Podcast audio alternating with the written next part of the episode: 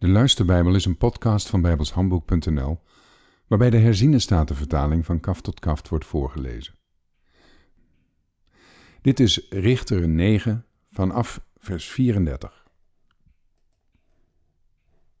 Toen stond Abimelech met al het volk dat bij hem was, s'nachts op, en zij legden zich in een hinderlaag tegen Sichem, in vier groepen. En Gaal, de zoon van Ebed, kwam naar buiten en ging bij de ingang van de stadspoort staan. Daarop stond Abimelech op uit de hinderlaag, met het volk dat bij hem was. Toen Gaal het volk zag, zei hij tegen Zebul, Zie, er komt volk van de bergtoppen naar beneden. Zebul zei echter tegen hem, U ziet de schaduw van de bergen voor de mensen aan. Maar Garel sprak opnieuw en zei, Zie, daar komt het volk naar beneden, vanuit het midden van het land en één groep komt uit de richting van de waarzeggerseik.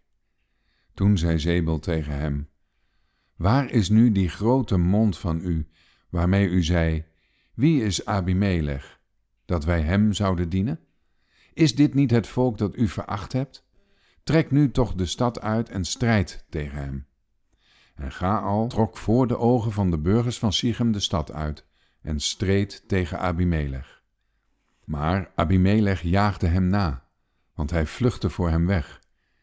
En velen vielen er dodelijk gewond neer tot bij de ingang van de stadspoort.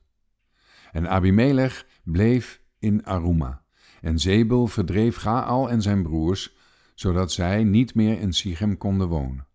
En het gebeurde de volgende dag dat het volk de stad uittrok, het veld in, en men vertelde het aan Abimelech.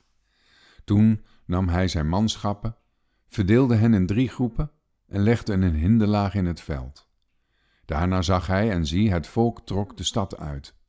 Daarop viel hij hen aan en versloeg hen. Terwijl Abimelech en de groepen die bij hem waren hen overvielen en bij de ingang van de stadspoort bleven staan, overvielen de twee andere groepen alle die in het veld waren en versloegen hen. Die hele dag streed Abimelech tegen de stad. Hij nam de stad in en het volk dat daarin was doodde hij. Hij brak de stad af en bestrooide die met zout. Toen alle burgers van Migdal Sichem dit hoorden, gingen zij de schuilplaats van het huis van Elberet in. En Abimelech werd verteld dat alle burgers van Migdal Sichem zich daar verzameld hadden. Vervolgens ging Abimelech de berg Salmon op, hij en al het volk dat bij hem was. Abimelech nam een bijl ter hand, hakte een tak van de bomen, pakte hem op en legde hem op zijn schouder. En tegen het volk dat bij hem was, zei hij: Wat u mij hebt zien doen, haast u, doe zoals ik. Daarop hakte ook een ieder van het volk zijn tak af, en zij gingen Abimelech achterna. Zij legden de takken tegen de schuilplaats en staken daarmee de schuilplaats in brand. Zo stierven alle mensen van Migdal Sichem, ongeveer duizend mannen en vrouwen. Daarna ging Abimelech naar Thebes. Hij sloeg zijn kamp op bij Thebes en nam het in. Maar er stond een sterke toren in het midden van de stad. En alle mannen en vrouwen, ja alle burgers van de stad, vluchtten daarheen. Ze sloten de deur achter zich en klommen op het dak van de toren. Toen kwam Abimelech bij de toren en bestormde die. Maar toen hij de ingang van de toren naderde om die in brand te steken, wierp een vrouw een stuk van een molensteen op Abimelechs hoofd, en zij verbrijzelde zijn schedel. Toen riep hij snel de knecht die zijn wapens droeg en zei tegen hem: Trek uw zwaard en dood mij, want anders zullen zij over mij zeggen: Een vrouw heeft hem gedood. Daarop doorstak zijn knecht hem, zodat hij stierf. En toen de mannen van Israël zagen dat Abimelech dood was, gingen zij terug, iedereen naar zijn woonplaats.